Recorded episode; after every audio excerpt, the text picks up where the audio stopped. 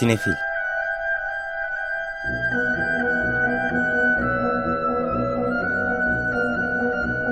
Hazırlayan ve sunanlar Melis Behlil ve Yeşim Burul.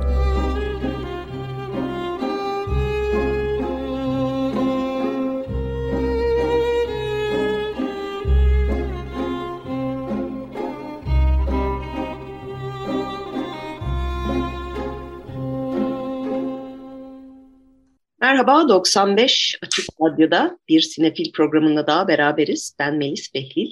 Ben Yeşim Burul. Bu hafta e, ben size Ankara'dan sesleniyorum. Aslında bu bir kayıt ve Perşembe günü yani 2 Haziran e, günü kaydımızı yaptık. Ben de e, 25. Uçan Süpürge Uluslararası Kadın Filmleri Festivali'ne katılmak üzere Ankara'dayım. E, festivalin artık sonu yaklaşıyor ve çok da e, keyifli bir şekilde geçiyor. Görebildiğim kadarıyla ben az katıldım ama e, oldukça ilgi var. Hem filmlere hem etkinliklere. Epey bir konuk gelmiş durumda yurt dışından da e, filmlerin yönetmenleri. E, böyle bir özlediğimiz festival ortamı e, yine oluşmuş vaziyette e, filmlerde zaten konuşmuştuk iki hafta önce. E, güzel bir programı var. Ankaralılara tekrar hatırlatalım. E, bu pazar akşamına kadar festival sürüyor. Evet, e, Uçan Süpürge Uluslararası Kadın Filmleri Festivali de 25. yılını e, gerçekleştirmiş oldu böylece. Daha nice 25 yaşlara diyelim. Daha nice güzel yaşlara hep beraber bu şekilde. E, Tabii Ankara'daki gösterimler dışında e, biz de klasik e, vizyonda yeni filmlerden bahsedeceğiz bugün. İstanbul'da başlayan bir takım gösterimler var. E, sinema için özel günler var. O programlardan bahsedeceğiz bugün programımızdan. Daha sonra e, geçtiğimiz hafta sonu verilen Cannes Film Festivali ödüllerine geçeceğiz. Yine dop dolu bir sinefille karşınızdayız. Evet, vizyonda yedi film var bu hafta. Ee, Hepsini detaylı konuşmayacağız ama iki tanesini özellikle tanıtmak istiyoruz. Bunlardan ilki Cadde Haki, Hit the Road İngilizcesi yola devam olarak bizde gösterime giriyor. Panah Panahi'nin ilk uzun metraj kurmaca filmi. Başrollerde Pantea Panahiha, Hasan Macuni, Rayan Sarlak ve Amin Simiyar yer alıyorlar. Evet, geçtiğimiz yıl Cannes Film Festivali'nde yarışmıştı bu film. Ee, Panahi'nin ilk filmi. Tabii isminden de tahmin ettiğiniz gibi ünlü İranlı yönetmen Cafer Panahi'nin oğlu Panah Panahi. Ee, Cannes Film Festivali'nde Directors Fortnight e, bölümünde e, gösterildi. Daha sonra Carlo Vari'de, New York Film Festivali'nde, e, Londra'da, e, Mar Plata'da en iyi filmi aldı hatta. Lüksemburg'da seyirci ve eleştirmenler ödülünü aldı. E, seyircilerin çok sevdiği, eleştirmenlerin de aynı şekilde sevdiği bir film olduğunu söyleyebilirim. Ben de geçen sene izleme şansı elde etmiştim. E, şey bir film, çok yüksek bütçeli bir film değil, bir yol filmi olduğunu söyleyebiliriz. Yola devam adı o yüzden çok uyuyor bir taraftan. Hit the road İngilizcesi hani bir yollara düşelim e, şeytan. Ama bir yola düşmek üzerine ve yolda geçen bir film. E, bir aile var aslında. E, böyle bir çekirdek aile. İki oğul, anne baba yola düşmüş durumdalar. E, yani filmin başında yoldalar ama nereye gidiyorlar, niye gidiyorlar bunu anlamıyoruz. Aslında film boyunca filmin sonuna kadar e, bize onları birazcık böyle ekmek kırıntıları gibi yol boyunca dökerek o ipuçlarının peşinden bu ailenin hikayesini e, anlatıyor bize Panay'ı. E, iki kardeş arasındaki yaş farkı oldukça büyük. Bir tane büyük genç bir adam var. Ee, bir de ufak afacan bir oğlan çocuğu var ki Ryan Sarlak bu rolde gerçekten çok şahane. Baba rolünde Hasan Macuni, anne rolünde de Pantea Panayya var. Abi ise Amin Simyar canlandırıyor. Yolda nereye gidiyorlar, niye gidiyorlar bunu anlamaya çalışıyoruz ama o yol e, yani o araba yolculuğunu rahatsız kılan da bir takım öğeler var. Bir taraftan babanın ayağı böyle bir şeyde alçıda gibi. Dolayısıyla bir türlü rahat edemiyor arkada küçük oğlanla beraber. Sık sık mola veriyorlar. Oğlanın bir takım ufaklığın yaramazlıkları, soruları, bitmek bilmeyen soruları. Böyle cin gibi e, ve çok tatlı kendini ifade edişi.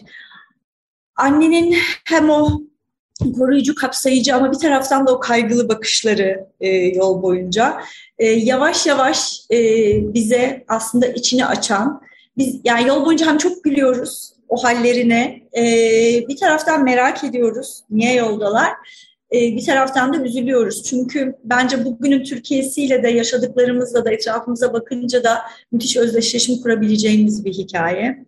İnsanın memleketini terk etmesi, ayrılmak zorunda kalması, ayrılmak zorunda ayrılmak zorunda kaldığını hissetmesiyle ilgili bir film. Öbür taraftan da bir ailenin çocuklarının mutluluğu ve geleceği için e, pek çok fedakarlık yapması, bir taraftan onun için müthiş üzülüp kaygılanması ama öbür taraftan da onun için en iyi olanı yapmaya çalışması üzerine. E, böyle çok hani e, çok da orta halli bir aileler. Hani şeyleri çok belli. Yani zengin değiller, az e, kaynakları az ama ellerinden geleni yapmaya çalışıyorlar. İran e, sonuçta şey bir yani sonuçta İslam rejimi altında e, oldukça baskıcı bir e, şeyden bahsettiğimizi söyleyebiliriz orada. E, ki Panah Panay'ın babası da bundan yeterince e, şeyini almış e, bir yönetmen. fazlasıyla. Evet. E, yani birazcık kendi aile geçmişinden eminim bir takım oradaki hissiyatlara dair otobiyografik öğeler de vardır. E, yola devam e, geçen seneden e, işte Kandan bu, bugüne kalan bence en e, hatırlanacak filmlerden biri. E, bizi çok şey üzerine düşündürürken aynı zamanda hem üzünlendiriyor hem gülümsetiyor. E, her şeye rağmen giden, e, gitmeye çalışanlar e, olduğu gibi hani gitmek mi zor, kalmak mı zor e, şeyi üzerinden ve pek çok sorgulama getiriyor. İran sinemasında bu zaman zaman karşımıza çıkan bir hikaye zaten.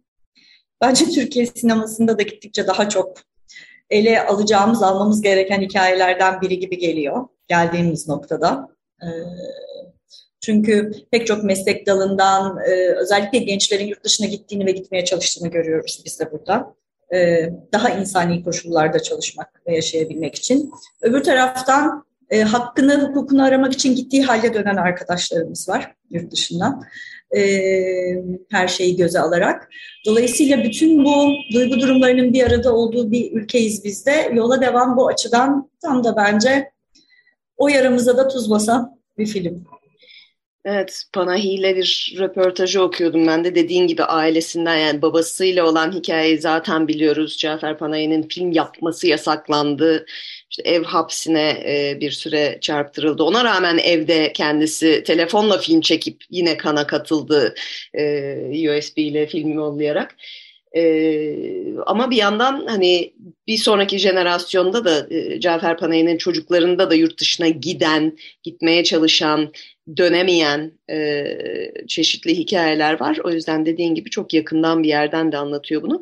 Çok da hani zaten e, Yeşim'in dediği gibi yavaş yavaş açılıyor film ama bir yandan fragmanda da buna dair ipuçları var. Hani öyle bir e, göçme hikayesi, e, oğlanın hikayesi e, olduğuna dair. O yüzden çok da e, spoiler veriyor sayılmayız burada. E, çok dediğimiz gibi yani hem eleştirmenler hem seyirciler tarafından beğenildi. E, bir sonraki jenerasyon Panahi geliyor diyerek e,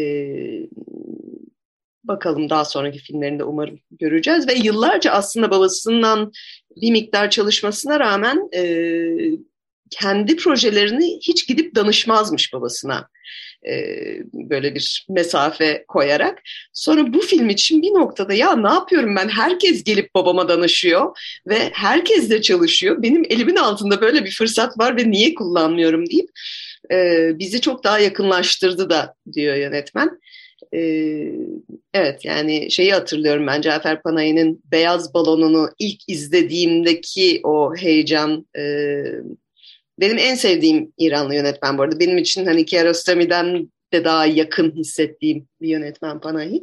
O yüzden e, bir tane daha onun gibi e, yönetmen çıkması aileden çok mutluluk verici. Evet, bu hafta e, sinefil olarak özellikle altını çizmek istediğimiz film Cadde Haki'di, e, İranlı yönetmen Pana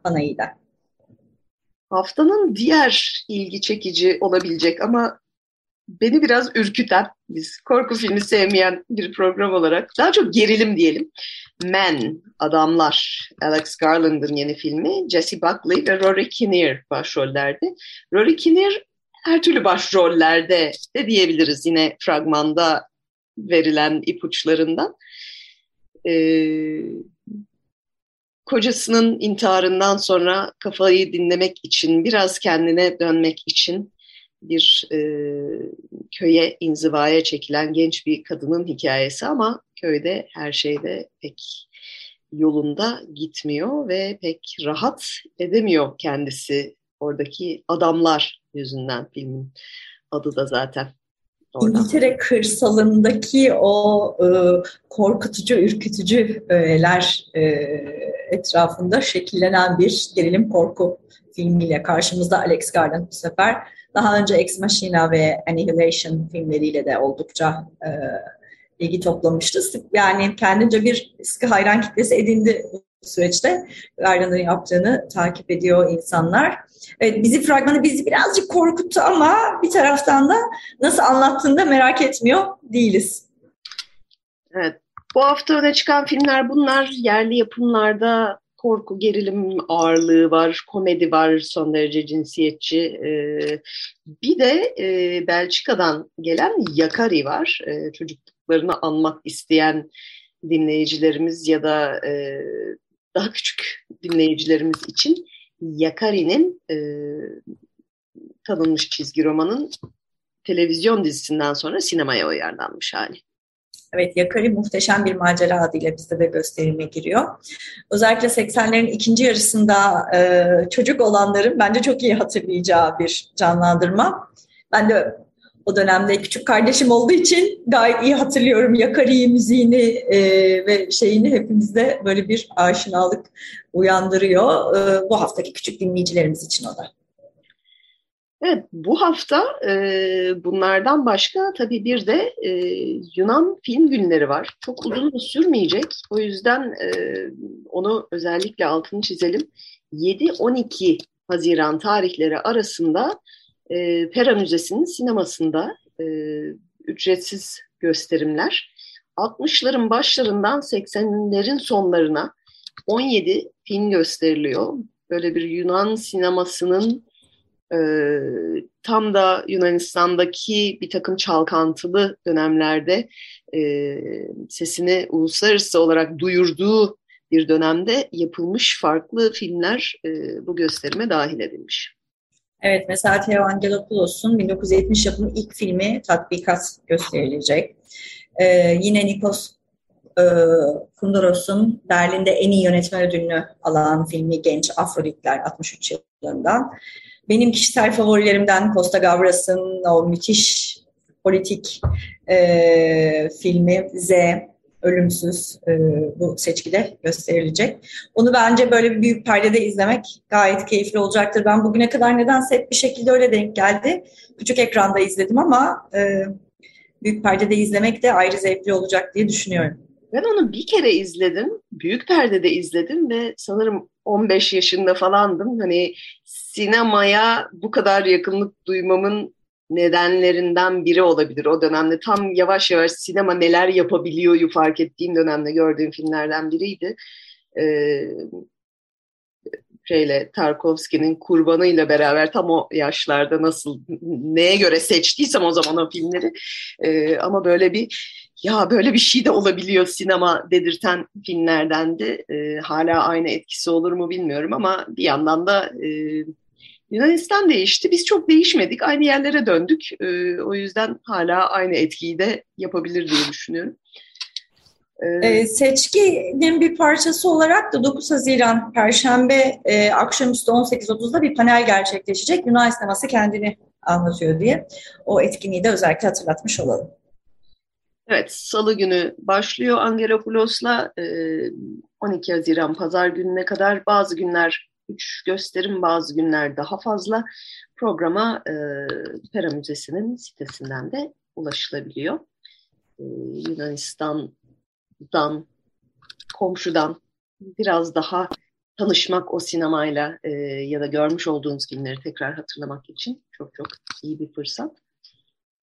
Ee, bir diğer etkinlik de karşı yakada Kadıköy'de Sinematek Sinema Evi'nden geliyor. Bu yıl ilkini e, hayata geçiriyorlar. Sinematek günleri. E, bugünler etrafında alanında uzman sinema endüstrisi profesyonelleri bir araya geliyor. Paneller, söyleşiler, atölyeler gerçekleştirecek. 3, 4 ve 5 Haziran tarihlerinde 3 gün sürecek bir programdan bahsediyoruz. Gerçekten o kadar dolu dolu bir program ki her gün, üç gün boyunca sabah 10'da başlayacak. E, akşamüstü 6'ya kadar devam edecek. E, yani 8 tane oturum var, bir atölye var her gün. Ayrıca bahçesinde, Sinemate'nin bahçesine gerçekleştirecek ücretsiz de bir söyleşi var programda. E, onun dışında e, yani farklı günler içinde biletler satın alabiliyorsunuz girmek istediğiniz seansa bağlı olarak. Evet, gün boyunca iki paralel e, program halinde ilerliyor. E, Yeşim'le dediği gibi farklı farklı konuklarla işte ilk film yapmak üzerine, dağıtım üzerine, işte e, film yaratım süreci üzerine afişler, festivaller, senaryo geliştirme, Kürt sineması, kısa filmler, e, sendika, blockchain ve sinema, e, o kadar çok farklı başlık var ki hakikaten çok heyecan verici bir program. Özellikle e, sinema sektörüyle yakından ilgilenenler için ve yani şu anda sektörde e, öne çıkan isimlerin neredeyse hepsi konuşmacı olarak katılıyor. Yeşmin de dediği gibi e, akşamları olan oturumlarda da 4.45-6 arasındaki oturumlarda da ücretsiz etkinlikler var.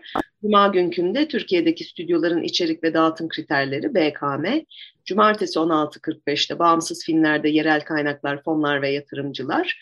Pazar günü ise bizim de sevdiğimiz bir podcast olan Yetersiz Bakiye, sinema, televizyon ve dijital platformlar üçgeninde pandemi sonrası bağımsız yapımcının seyir defteri e, başlığıyla Yamaç Okur ve Serkan Çakarer e, podcastlerini canlı olarak, söyleşi olarak yapacaklar.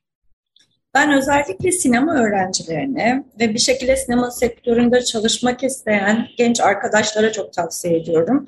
Hem bu ıı, sektörün farklı alanlarında tecrübeli e, arkadaşlarımızı dinleme şansları olacak. Hem birebir tanışma şansları olacak. E, hakikaten Türkiye'de sinema sektörüne yakından bakmak, e, bazı şeylerin nasıl işlediğini öğrenmek, bir takım atölye çalışmalarına katılmak için bence bulunmaz bir fırsat. Şahane bir program hazırlamış Sinematek. Buradan tekrar teşekkür ederim.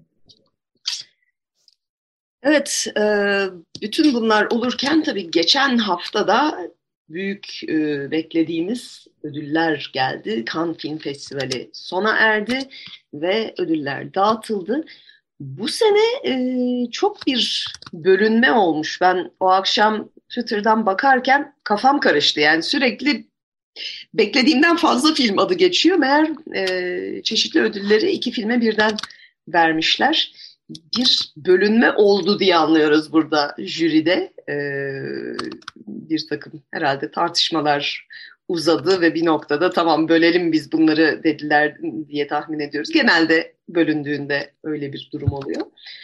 Ee, ama e, Altın Palmiye yine Ruben Östlund'a gitti. Bir önceki The Square ile aldığından sadece beş sene sonra Triangle of Sadness bu. İşte kareler, üçgenler. Ruben Östlund'a yarıyor bu şekiller anlaşılıyor. Geometri.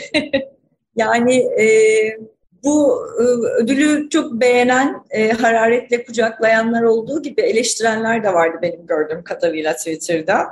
E, yani yine ayrıcalıklı insanların dünyasını kendince mizahi bir dille eleştirerek yine o ayrıcalıklı insanlara izlettirdiği bir festival ortamında Altın Palmiye'yi almış olması da e, bilmiyorum ki kendi içinde başka çeşitli ironi barındırıyor sanıyorum.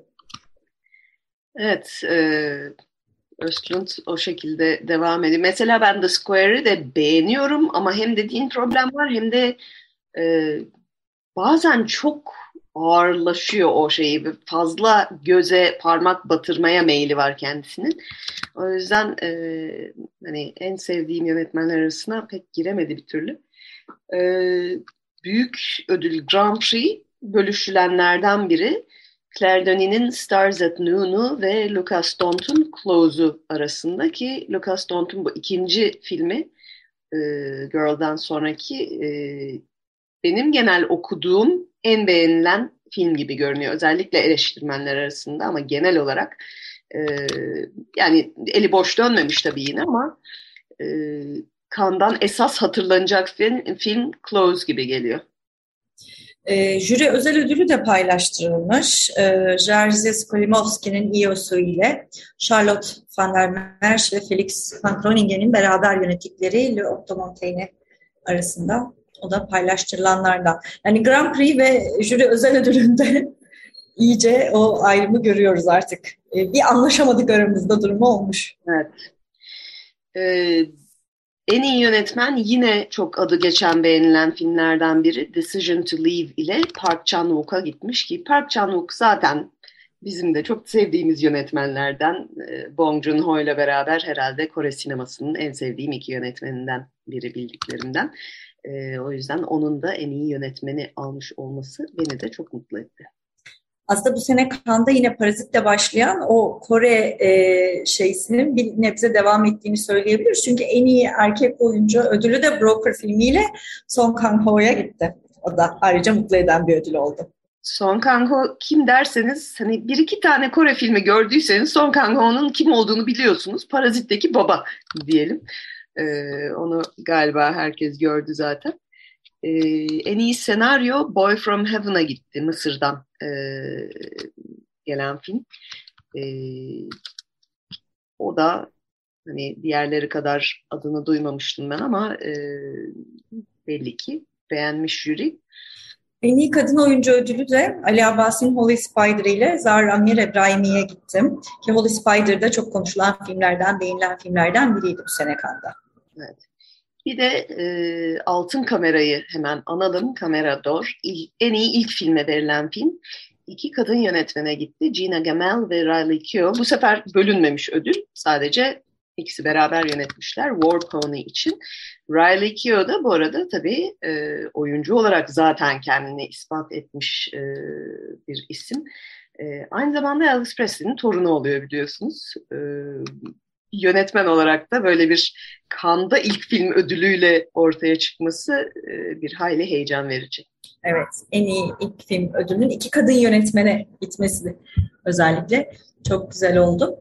E, bu sene Cannes Film Festivali'nden ne kaldı diye tekrar bir bakacak olursak... E, Türkiye'den her zaman bir film katılma imkanı olmuyor ama bu sene belirli bir bakış bölümünde Emin Alper'in filmi Burak Günler yarıştım. Özellikle eleştirmenler tarafından çok büyük övgü aldım. Ee, yönetmen Emin Alper de filmin premieri öncesindeki e, konuşmasında e, filmin aslında yardımcı yapımcılarından biri olan Çiğdem Matil'e selam göndererek e, içinde bulunduğu haksızlığı hem aslında bütün dünyayla paylaşmış oldu. Sonrasında Fotokol'da da aynı şekilde hem oyuncular hem de film ekibi ellerinde Çiğdem Mater Özgürlük e, kartlarıyla e, kameraların karşısına geçtiler. E, ve her ne kadar e, Çiğdem Mater son derece haksız hukuksuz bir şekilde şu an hapiste olsa da kendisi kalbimizde, aklımızda burada bizimle birlikte olmasıydı en büyük dileğimiz diye ifade ettiler. Evet Cannes Film Festivali'nde bir de e, aslında George Miller'ın son filmi 3000 Yıllık Yalnızlık premierini yapmıştı. Onun da bir kısmı Türkiye'de çekildiği için Türkiye'li oyuncular da e, Kırmızı Halı'da o film vesilesiyle de e, boy göstermiş oldular. Bakalım onu ne zaman izleyeceğiz Türkiye'de? Evet Kaan bu sene e, aslında dediğin gibi hani Çiğdem Mater dahil olmak üzere e, pek çok politik mesajla da alındı. Bir yandan tabii Ukrayna'da savaş sürdüğü için oraya pek çok e, gönderme oldu. O hatta biraz daha e, domine etti bütün e, şeyi e, festival çevresindeki e, konuşmaları. E, geçtiğimiz günlerde bir e, duyuru bir daha doğrusu basın bildirisi daha e, yapıldı aslında. O da e, daha önce Kanda e, kısa film Altın Palmiyesi alan Serge Avedikyan'ın da arasında olduğu bir ekip tarafından e, Hayırsız Ada e, kısa filmi ile e, ödül almıştı. O filmin de yapımcılarından biri e, Osman Kavala'ydı. O yüzden Serge Vedikyan ve e, Robert Gedigyan, Atomegoyan gibi bir e, ekip bir basın bildirisi yaptı geçen hafta. Aslında kanın kapanışında okumak istedikleri ancak hani bu sene e, Ukrayna'nın bu kadar öne çıkmasıyla bunu ayrıca biz yazılı olarak e, duyuralım dedikleri bir e, basın duyurusu çıkardılar. E, Osman Kavala'nın yanında olduklarına dair bu e, haksız e, tutsaklığa dair Çiğdem Mater'i de özellikle anarak sonuçta e, haliyle meslektaşları. O da e, Kanda yine e, Çiğdem Mater'e ve diğerlerine e, yollanan selamlardan biri oldu. Evet, böylece bir Cannes Film Festivali'ni daha geride bırakmış olduk.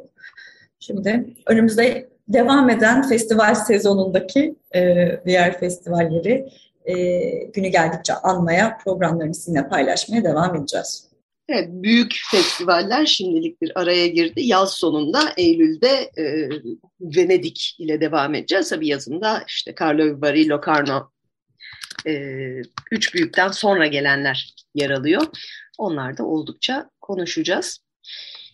Geçtiğimiz hafta bir de kayıp haberi geldi. Ee, Hollywood'un tanınmış oyuncularından. Ee, anladığımız kadarıyla sevilen de bir isim arkasından hakikaten çok herkes e, üzülerek andı ve ne kadar iyi çalıştıklarını beraber herkes ayrı ayrı e, ve iyi bir insan olduğuna dair. Her zaman iyi bir insan olduğu söylenmiyor çünkü birilerinin arkasından. Hani iyi işler yaptı deniyor da e, Ray Liotta e, oldukça genç bir yaşta e, filminin çekimleri sürerken e, uykusunda hayatını kaybetti. Evet, 67 yaşında aramızdan ayrıldı.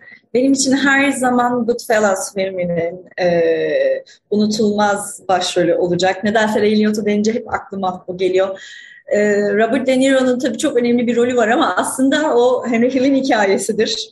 Ray Liotta'nın hikayesi yani müthiş e, bir derecede e, başarıyla can verdiği o e, karakter. E, Martin Scorsese'nin e, 1990 yapımında e, onun o gangsterler dünyasına acımasız bakışı, e, hakikaten hepsinin aslında ne kadar patetik ve zavallı insanlar olduğunu o kadar da güzel anlatır ki e, tekrar tekrar e, izlemeye değer filmlerden biridir. Ki Melis'in de dediği gibi Liotta son filmi üzerinde çalışırken aramızdan ayrıldı. E, Dominik Cumhuriyeti'nde çekimleri devam ediyormuş. Arada tabii çok unutulmaz başka e, rolleri de oldu. En son Marriage Story'de de daha kısa ama yine unutulmaz bir karakter olarak karşımıza çıkmıştı avukat olarak. E, oradaki çiftin erkeğin e, boşanma avukatı olarak. E, öyle daha küçük rollerinde bile hakikaten o sahneyi çalıcı bir performans sergileyen bir isimdir Liotta. Evet, e, biz de bunun üzerine programı onu anarak ve Goodfellas'ı tekrar anarak e, Yeşim'in dediği gibi 90 yapımı Scorsese filmi Scorsese'nin en iyilerinden biri belki de ve e, kullanılan müzikler de o uzun bir döneme yayılan e, gangsterlerin hikayesini onların dünyasında çalan müzikleriyle e, çok da hoş bir soundtrack'e sahipti. Biz size e, Goodfellas'dan e, müziklerle veda edeceğiz bu hafta. Teknik Masa'daki arkadaşlarımıza ve bu haftaki destekçimize de çok teşekkür ediyoruz. Herkese iyi seyirler. İyi hafta sonları.